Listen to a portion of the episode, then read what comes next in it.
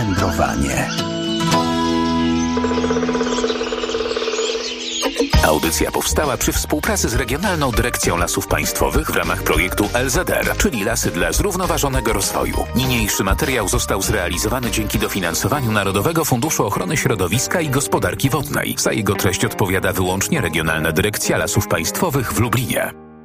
Dzień dobry. Sprzed mikrofonu kłania się Magdalena Lipiec-Jeremek. Proszę mi wybaczyć, że dziś nie jestem z Państwem ze słuchaczami, którzy tak naprawdę współtworzą również tę właśnie audycję swoimi opowieściami o lesie, przyrodzie, czy nawet o ogródkach działkowych, czy chociażby o spotkaniach ze zwierzyną. Proszę mi wybaczyć, że nie jestem z Państwem dzisiaj na żywo. Zapraszam oczywiście słuchaczy do kontaktu tym razem przede wszystkim poprzez e-mail lasmałparadio.lublin.pl. Razem z nami dyrektor Regionalnej Dyrekcji Lasów Państwowych w Lublinie, pan dyrektor dr Marek Kamola. I oczywiście będziemy rozmawiać o ważnych problemach dotyczących lasów państwowych tutaj w naszym regionie. Na początek coś, co brzmi ostro, bo to kornik ostrozębny i niestety to jest coś, z czym zmagają się oczywiście już od kilku ładnych lat na Nadleśnictwa w naszej dyrekcji. E, witam Państwa serdecznie. E, rzeczywiście problem kornika ostrozębnego narasta już od 2015 roku. E, wiąże się to z niecodziennymi, z bardzo takimi skrajnie niekorzystnymi warunkami atmosferycznymi, pogodowymi, które występują już właśnie od 2015 roku, co ma wpływ na osłabienie drzewostanów. Tutaj mamy do czynienia z deficytem wody i z wysokimi temperaturami. My nazywamy to w lasach, e, w terminologii leśnej, e, kompleksem posłuchy. I proszę Państwa, z taką koincydencją zdarzeń właśnie mamy do czynienia i również bardzo niekorzystna jest gwałtowność zmian pogodowych. To również się przyczynia właśnie do osłabienia drzewostanów. I na skutek e, tych e, właśnie e, okoliczności już na jesieni 2015 roku zanotowaliśmy, obserwowaliśmy pierwsze zjawiska, symptomy zamierania drzewostanów sosnowych wywołane aktywnością kornika ostrozemnego. Mm, to jest niewielkie zwierzę z owad z rodzin kornikowatych, niewielkie, ale wyrządzające ogromne szkody spustoszenia w lasach. Zwłaszcza w grupie działające, prawda? Więc... Dokład, dokładnie tak jest, jak pani redaktor mówi. Bo nie on sam jeden. Tak. Y, I jeszcze tutaj mamy o tyle problem, że podstępnie działa. Y, te y, objawy się ujawniają bardzo późno, mm, ponieważ żeruje wysoko w koronach drzew, w, w tych najdrobniejszych gałęziach i wierzchołkowej partii drzew, także symptomy nie są widoczne początkowo, a w momencie, kiedy następuje zrudzenie już koron, to z reguły kornik opuszcza żerowiska i przelatuje na kolejne drzewa. Nie sypią się też trociny, jak w przypadku y, świerka, gdzie możemy dostrzec już symptomy zasiedlenia, więc y, no, mankamentem jest to, że leśnik z, z reguły postępuje za kornikiem.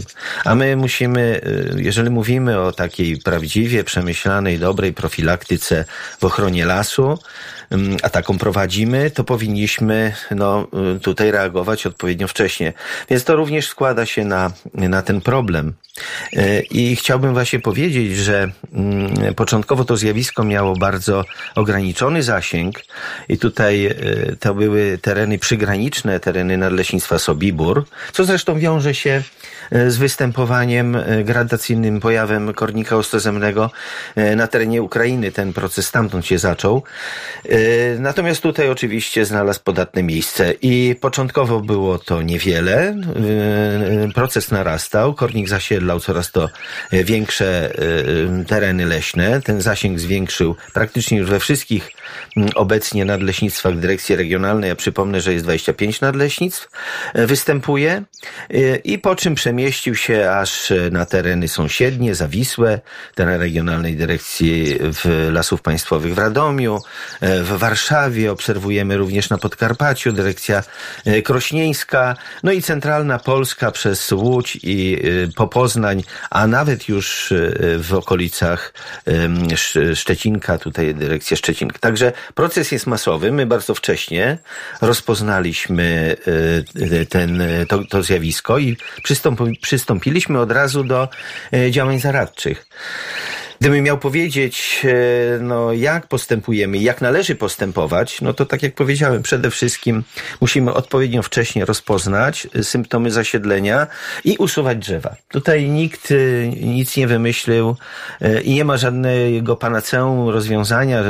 Chemia, zresztą chemia jest niewskazana, więc na bieżąco leśnik musi wielokrotnie wkraczać w drzewostan i to też stwarza dodatkowe problemy i w systemie ciągłym usuwa drzewa, wywozi poza strefę zagrożenia, natomiast pozostałe po mm, pozyskaniu, po, po, po wycięciu drzewa, gałęzie, niestety trzeba zutylizować, albo zrębkować, albo spalić.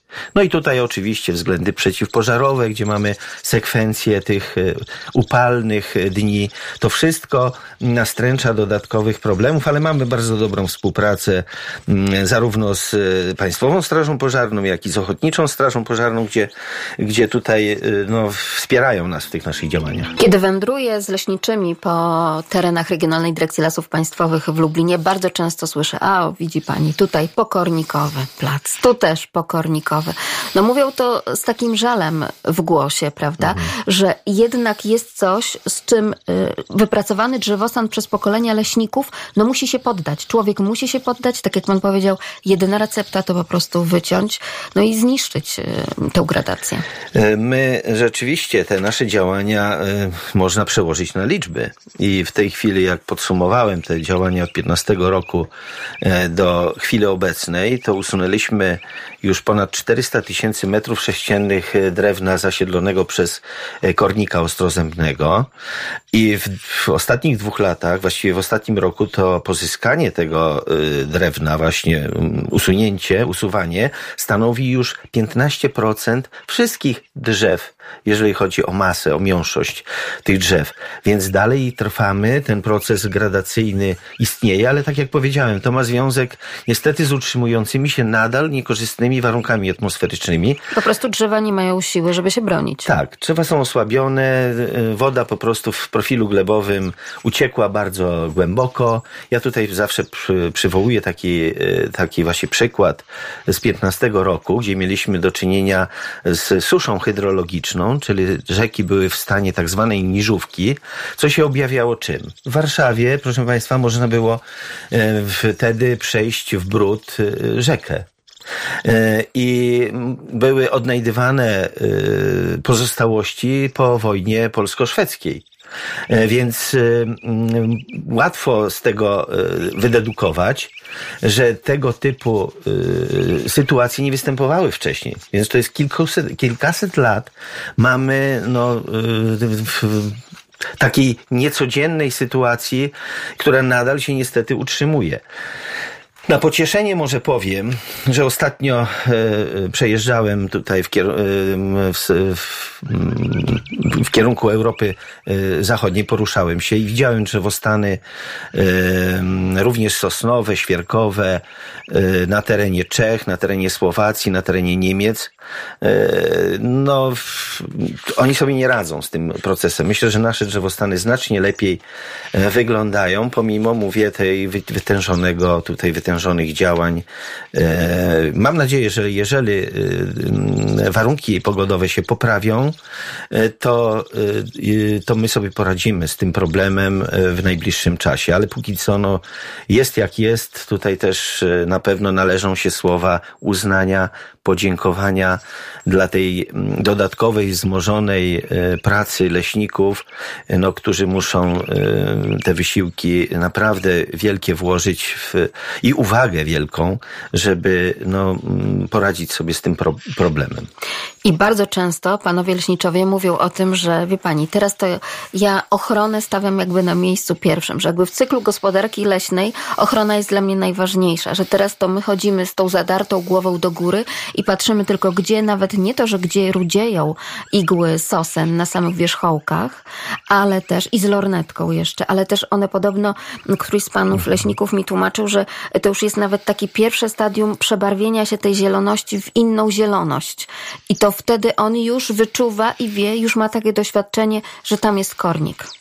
Tak, rzeczywiście tutaj e, mamy problem właśnie z tym prawidłowym rozpoznaniem, ale wymaga to ogromnej wprawy, doświadczenia, uwagi, odpowiednich warunków też e, świetlnych, bo odpowiedniej, przy odpowiedniej ekspozycji światła widać te zniuansowane symptomy e, tego wczesnego zasiedlania. I tak jak pani tutaj powiedziała, rzeczywiście te przebarwienia są dyskretne. Najpierw to jest bladozielony kolor, później jakiś taki seledynowy, wpadający, no i y, jakieś fragmenty z rudziałe aż po rude korony i mm, no, ten proces, kiedy następuje zamierania drzew. E, I, i tu jest e, główny problem, tak, tak to oceniamy, więc e, nadleś, nadleśniczowie, przede wszystkim leśniczowie też są zobowiązani do tego, żeby nawet z pewnym zapasem, z pewną taką, mm, z takim rygorem większego usuwania, większej liczby drzew, bo będzie to mniejsza szkoda dla drzewostanu stanu, jeżeli z pewnym nadmiarem usuniemy te drzewa, które mogą być potencjalnie niezasiedlone, ale udaremnimy rozprzestrzenianie się kornika, bo jak literatura tutaj podaje, e, dyspersja, czyli e, przelot tych chrząszczy e, może nawet do kilkuset metrów sięgać. I zwykle właśnie to, co też jest niebezpieczne w tym, przy tym gatunku, że są zasiedlane drzewa o wysokiej pozycji biosocjalnej, te najdorodniejsze, ale Y, zasiedlenie sprowadza się w zasadzie do kilku, kilkunastu drzew.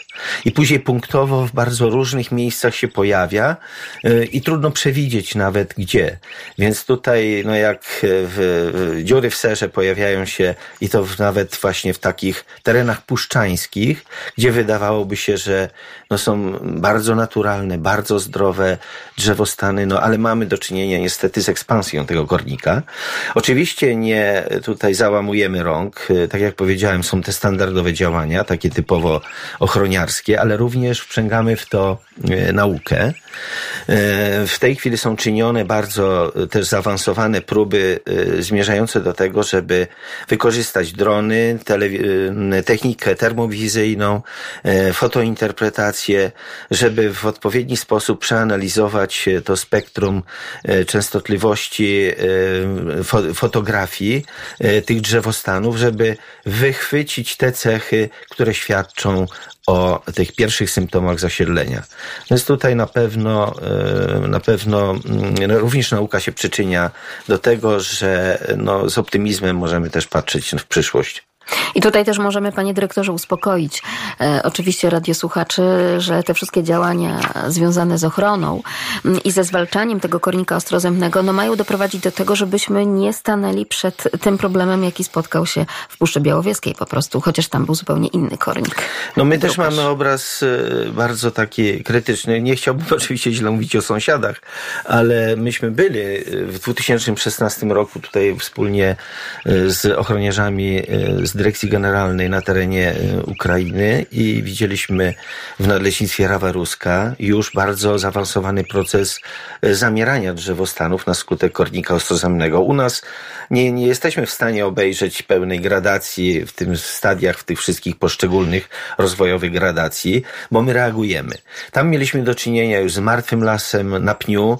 E, tam też zobaczyliśmy, że sprawa nie kończy się na korniku ostrozemnym. Wkraczają kolejne gatunki, jak kornik sześciozębny, który atakuje właśnie te grubsze strzały, znaczy strzały całe, więc e, dobija e, całe drzewostany. Jeszcze warto też przypomnieć, że i to też wpływa na jak jakość drewna techniczną, na cenę drewna, e, przy zbycie drewna, że kornik jest tak zwanym wektorem sinizny, czyli wprowadza do tkanek drewna, drzewa e, siniznę.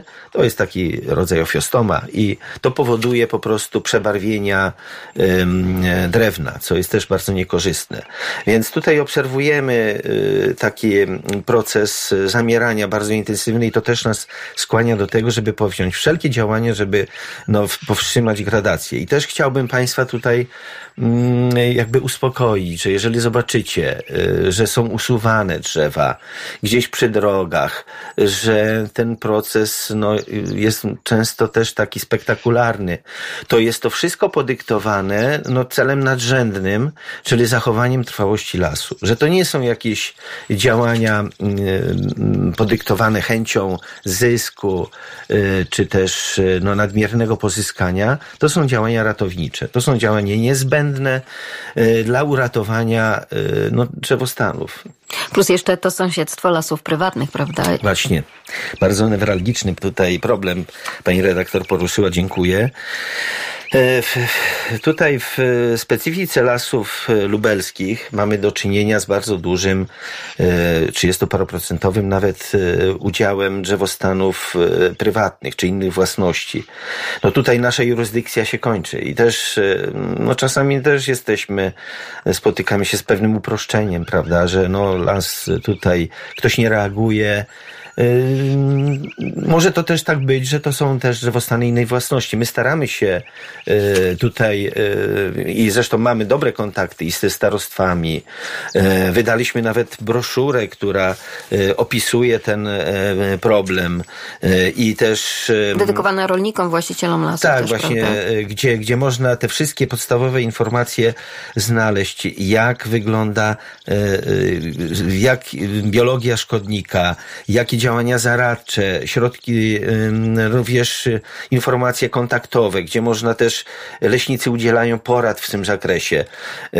Spotykamy się też ze służbami leśnymi w, w starostwach, bo jurysdykcje mają tutaj w tym zakresie starostwa powiatowe, w zakresie drzewostanów, nadzoru nad drzewostanami innych własności, drzewostanów prywatnych prywatnej własności.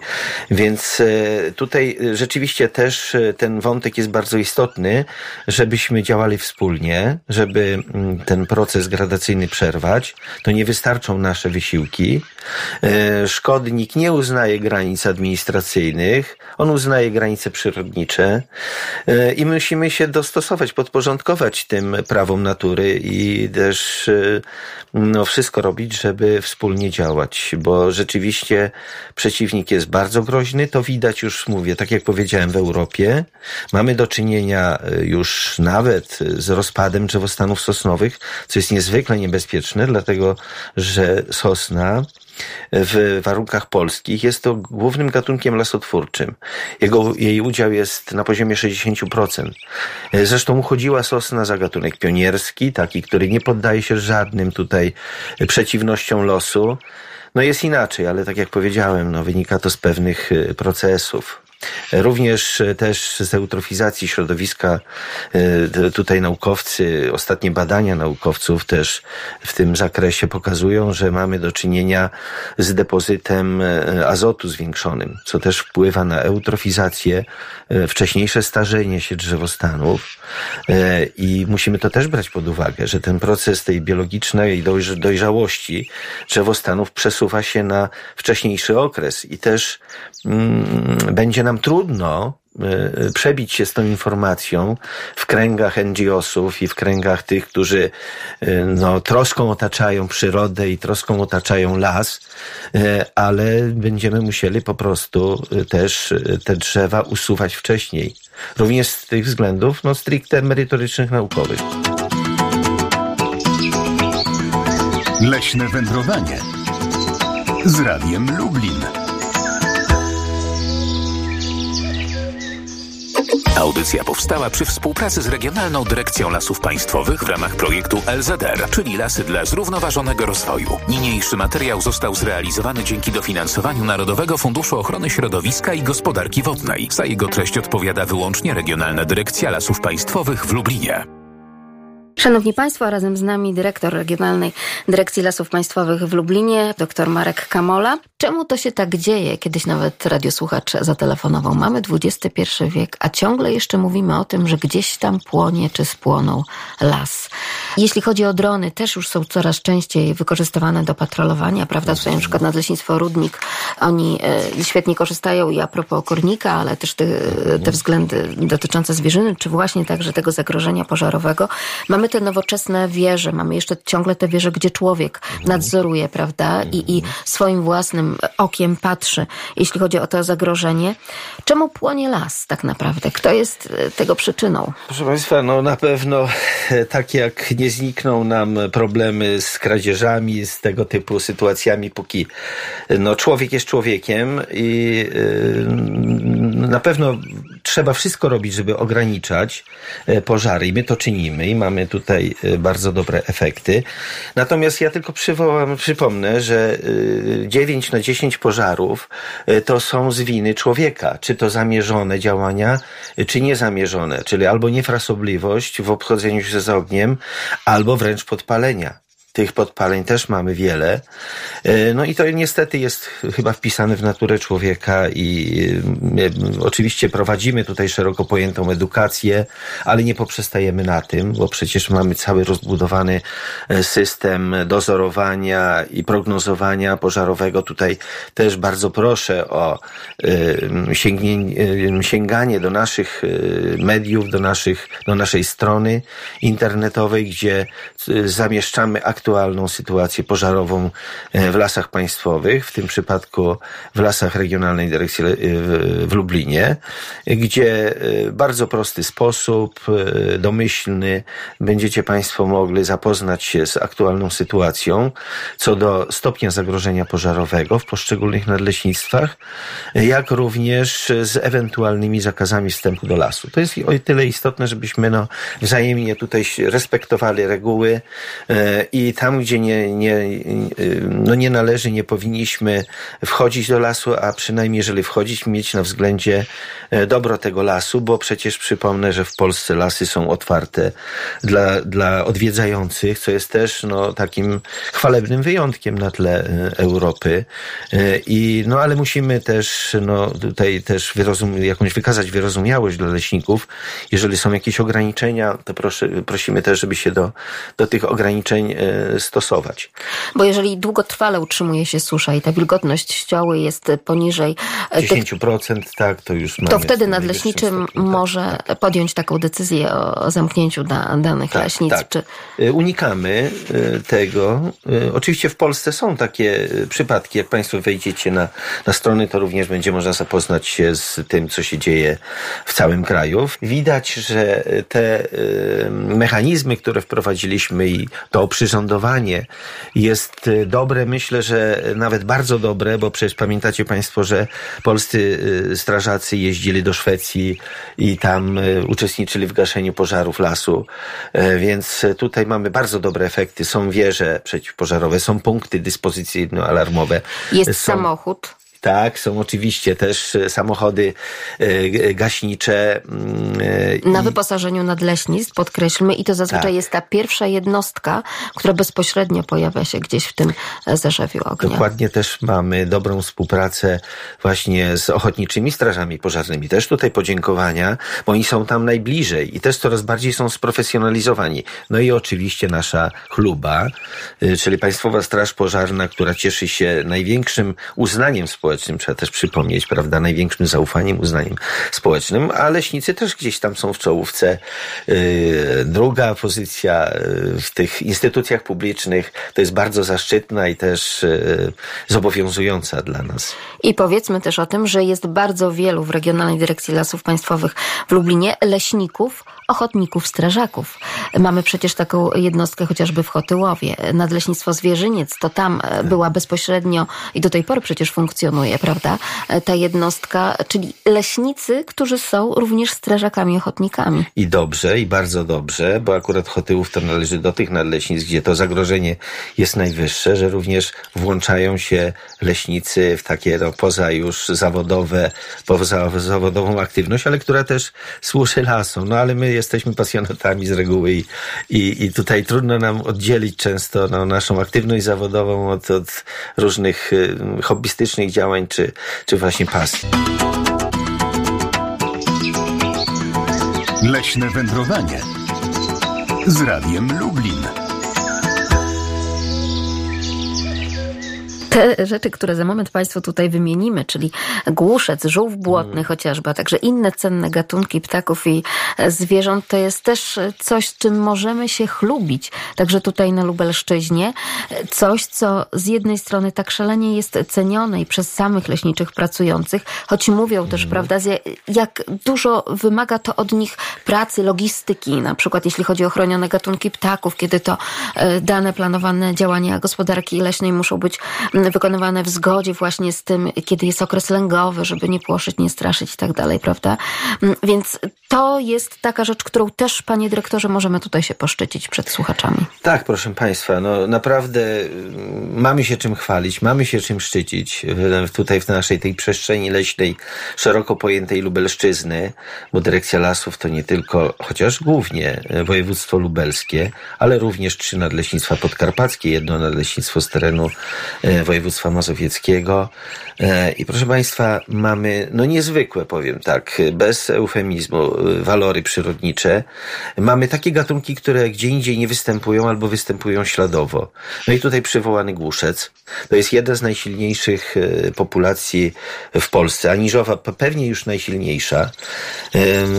Tu są prowadzone przez ekspertów inwentaryzacje E, i jest ponad 100 osobników, co może brzmi e, niewiele, ale w skali kraju, gdybyśmy porównali, to jest jedna z największych e, metapopulacji głuszca, jeszcze taka, która nie jest silnie izolowana, bo ta populacja występuje na terenie czterech nadleśnictw, Biłgora, Józefów, Janów i Zwierzyniec, gdzie ma się jeszcze dobrze, gdzie nie trzeba E, wprowadzać, e, e, reintrodukować czy introdukować tego głuszca, ona dalej jest na tyle silna, że się sama odradza.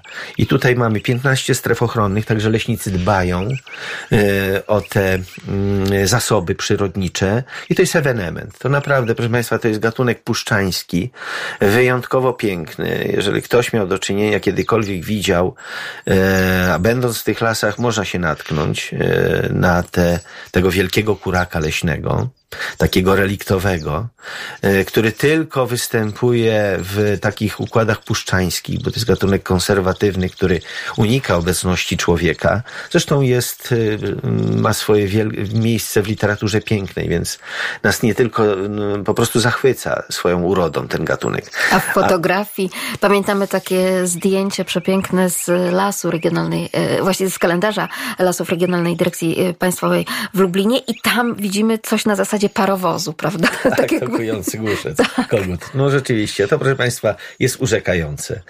E, no i w ogóle cała litera... szeroka jest literatura na ten temat, prawda? E, te to podchody e, głuszca w tej scenerii pierwotnego lasu, Śpiew. gdzie mamy te fazy głosu, prawda? Poszczególne, gdzie też i milknie w pewnym momencie głuszec. Także no jest to rzeczywiście rzeczywiście e, gatunek, który zasługuje na szczególne miejsce. No i takim też jest trochę naszym nieformalnym godłem. Mieliśmy też e, takie logo e, właśnie z głuszcem, no bo to jest taki ewenement, który tutaj możemy, którym się możemy poszczycić. Ale Czy chociażby Państwa, przyjacielowa. tak, przyjaciel las. właśnie, tak, to jest głuszec i no nie bez kozery, nie bezpodstawnie, po prostu posługujemy się tą statuetką i tym symbolem, bo no on jest przypisany i, i otaczamy go szczególną troską. Tak jak powiedziałem, są strefy ochronne, jest, są prowadzone e, programy ochrony głuszca, tutaj poprzez wykładanie gastrolitów, czyli tych kamyczków, które są niezbędne do rozcierania pokarmu. No, bardzo jest wiele elementów takich ciekawych z życia tego ptaka, ale tutaj na antenie trudno poruszyć wszystkie aspekty, ale na przykład również odpowiednie grodzenie upraw nie siatką, a żerdziami, żeby też zapobiec takim niebezpiecznym kolizjom tego ptaka. To jest wielki ptak, kilkukilogramowy wielkości indyka, y, kogut, więc to jest potężny ptak, prawda? Y, więc tutaj, no mówię, szereg działań, chronimy oczywiście ostoje, znaczy miejsca y, tokowisk są w sposób szczególny chronione, je, je tutaj zabezpieczamy.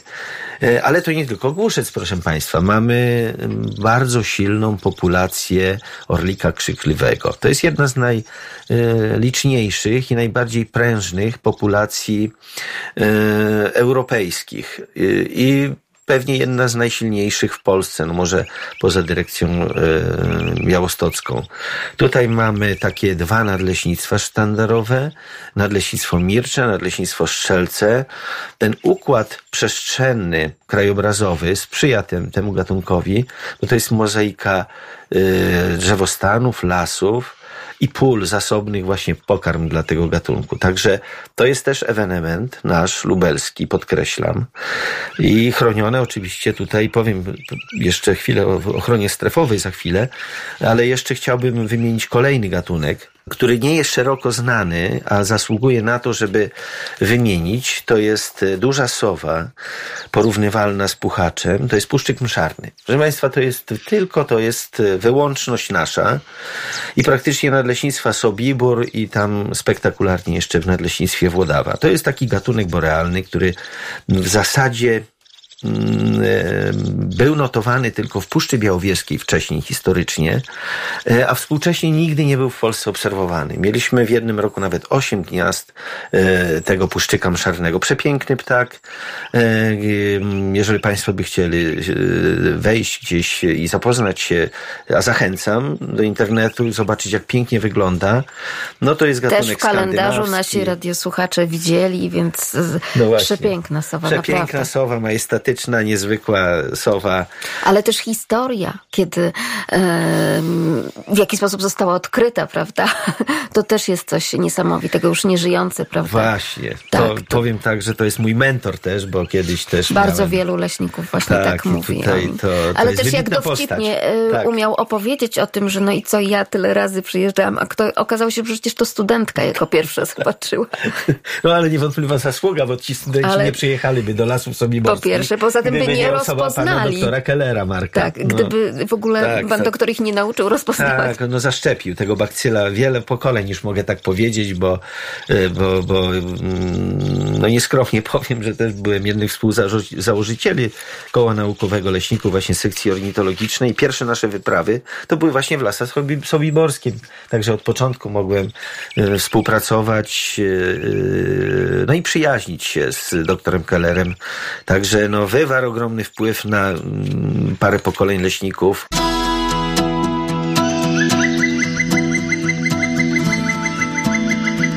Leśne wędrowanie. Ale ja też wierzę, że to, o czym teraz rozmawiamy, panie dyrektorze, że też słuchacze czują ten dreszcz emocji, że ten puszczyk mszarny to jest naprawdę no, coś niesamowitego, prawda? To, to jest ewenement. Tak, to jest ewenement, to jest taka zjawa, to jest taki ptak no, przedziwny, no naprawdę. To, że, że zaistniał w tych lasach, to jest jakiś fenomen. I cieszmy się z tego, to też świadczy no, o tym, jaki mamy że potencjał. Lęk, prawda? tak, jaki mamy potencjał ten przyrodniczy. E, także, a mamy też jeszcze jeden E, oczywiście nie podam tutaj lokalizacji, bo to jest tak rzadki gatunek, że, że, że no, to, te dane są strzeżone. E, jest gadożer też, proszę Państwa. Mamy lęgowego gadożera na terenie Puszczy Solskiej, o tak powiem. I co roku tam wyprowadza lęgi. Zresztą jest zaopatrzony w pisklęta były w sprzęt, w, w, w sprzęt telemetryczny, także możemy śledzić również drogę, bo to jest gatunek wędrowny, przemieszcza się. E, także to jest też jeden z nielicznych, bo zaledwie kilka par w Polsce gniazduje. Więc to wszystko mamy. Wszystko mamy u siebie, e, tutaj na naszym terenie. Są również bardzo silna populacja jest puchacza. w Polsce jest około 200 par, u nas jest 30 i tak możemy mnożyć te przykłady, ale proszę Państwa, nie tylko ptaki, bo y, również jest żółw błotny. To jest dwa nadleśnictwa, Sobibór, znowu powtarza się, i Chełm. I to są też najbardziej prężne populacje europejskie, y, które y, no, dalej są dynamiczne, gdzie, gdzie mamy efekt lęgowy, prawda, gdzie, gdzie jeszcze są czynne. Więc tutaj to wszystko jest na naszym terenie. I jak tak. wiele mhm. tak naprawdę pracy wymaga to chociażby od pana leśniczego. Ja pamiętam rozmowę z panem leśniczym właśnie z terenu nadleśnictwa Chełm, który bezpośrednio wraz z podleśniczym opiekuje się tym fragmentem, gdzie są te, gdzie mhm. gniazda, prawda, i gdzie samica tak. składa jaja, gdzie one mhm. są potem przykrywane i opiek... Nawet ten pan leśniczy powiedział, że to on czasami mu żona zarzuca, że on się bardziej tymi tutaj małymi zajmuje niż własnymi dziećmi się zajmował przez lata. Bo to jest, nie wiem, wieczorem, rano trzeba tak. przyjść, zerknąć, zobaczyć. też tak. taki, gdzie trzeba wszystko zostawić, rzucić i, i wtedy... Ile to kiedy... pracy wymaga, ale też i pasji, bo o tym nie tak. zapominajmy, prawda, że e, no często to są jakby też dodatkowe e, obowiązki dla oczywiście, leśnika. Oczywiście. Sama ochrona przyrody no nie jest e, wpisana w zakres obowiązków leśników, no ale to jest naturalne, że my po prostu w, w trosce o, o stan lasu dbamy o te wszystkie komponenty lasu. Mamy właśnie 21 stref ochronnych na terenie tych dwóch nadleśnictw, y, stref ochronnych żółwia. Ale powiem jeszcze parę słów o strefach ochronnych, jeżeli pani redaktor pozwoli. Y, bo też tutaj y, mamy się czym pochwalić. Oczywiście wpływa to na utrudnienie gospodarki leśnej, bo musimy pogodzić te cele ochrony przyrody no, z tą naszą gospodarką leśną, czyli zagospodarowaniem, prawda, e, tego drewna i, i z możliwością użytkowania e, też lasu. E, mamy ponad 276 stref ochronnych, ochrony zwierząt, z czego prawie 200, 450 to są strefy ochrony ptaków. I przypomnę, że to jest taka nasza znowu specjalność polska, gdzie w Europie nie ma tej formy ochrony, a tak naprawdę, proszę Państwa, też warto o tym pamiętać, że mm, powoduje to wyłączenie z użytkowania e, lasu na powierzchni około 13 hektarów przez cały rok, bo to powiedzmy z reguły, tak upraszczając oczywiście, z reguły strefa ta całoroczna przy dużych ptakach to jest 200 metrów w promieniu 200 metrów od gniazda, natomiast ta strefa częściowa, czyli w okresie rozrodu, ma, sięga 500 metrów. I w jednym przypadku to jest 13 hektarów, całoroczna strefa, gdzie praktycznie no to jest jakaś forma rezerwatu takiego ścisłego. Na przykład dla bociana czarnego. Na przykład dla bociana czarnego, dla bielika, dla orła przedniego. No co prawda my nie mamy orła przedniego, ale bielików mamy dużo. Dla puchacza. Więc to są te, te takie wyłączone z użytkowania, z ingerencji człowieka strefy. I to jest nasza, nasz wkład w ochronę przyrody i no taki no, taka pewna też danina, prawda, społeczna. E, I również e, ten, ta druga strefa to ponad 70 hektarów. Więc e, to jest naprawdę znaczny areał, który jest wyłączony z użytkowania, a przynajmniej też powoduje no, zaburzenia no, w takim rytmie gospodarczym. Ale to wszystko uwzględniamy, szanujemy i respektujemy te zasady. No powiem tak, e, praktycznie nie istnieją strefy ochrony ptaków, e, tych, które mm, lęgi wyprowadzają na drzewach, mm, e, poza lasami państwowymi. Dlaczego? To proszę sobie odpowiedzieć samemu. I jeszcze na zakończenie to poproszę panie dyrektorze, wtedy kiedy wędrujemy po lesie i widzimy taką tablicę ostoja zwierzyny, należy ją naprawdę uszanować. Właśnie. Tak, ostoja zwierzyny bez uszczegóławiania to jest to miejsce, gdzie z jakichś powodów jest wyłączone, powinniśmy właśnie respektować, nie wkraczać tam, bo to są strefy ochronne różnych gatunków, bądź też stricte y, też chroniona jest zwierzyna, y, ale no właśnie mm, też y, w, w staramy się tak działać, żeby też w sposób nadmierny nie przykuwać uwagi potencjalnych pseudopasjonatów. Bo proszę Państwa, ten ruch w tej chwili mm, birdwatcherów, y, tych osób, które interesują się ornitologią, jest bardzo szeroki. I myślę, nie wszyscy jeszcze y, respektują dobre praktyki. W pogoni za y, zdobywaniem kolejnych gatunków, tak powiem w cudzysłowie, zaliczeniem kolejnego gatunku, y, żeby go zobaczyć, sfotografować, skontrolować, łamiemy nagminnie, a przynajmniej niektóre osoby, bo większość się zachowuje etycznie, po prostu narusza te dobre obyczaje i, i po prostu ingeruje zbyt głęboko w życie prywatne y, zwierząt, ptaków. Także też apel. Uszanujmy w pogoni za y, tutaj, za, za zdobyciem kolejnego zdjęcia, żebyśmy też y, no nie wylali dziecka z kąpielą. Uszanujmy, bo to nadmierne zainteresowanie może doprowadzić do porzucenia lęgów, do szkody niepowetowanej w środowisku, szczególnie w przypadku tych gatunków szczególnie rzadkich i tutaj leśnicy stoją też na straży tego, żeby właśnie mm, e, były respektowane zasady wstępu do lasu, jeżeli e, wjazdu również do lasu, to temu też służy, proszę Państwa, żeby też właściwie rozumieć te zakazy wjazdu do lasu, bo musimy też kanalizować ten ruch i wszystko robić, strzec tych miejsc o szczególnych walorach przyrodniczych. Zaproszenie do naszego radiowego, leśnego już tak naprawdę po trosze studia przyjął dyrektor Regionalnej Dyrekcji Lasów Państwowych w Lublinie, doktor inżynier Marek Kamola. Magdalena Lipiec-Jaremek, do usłyszenia.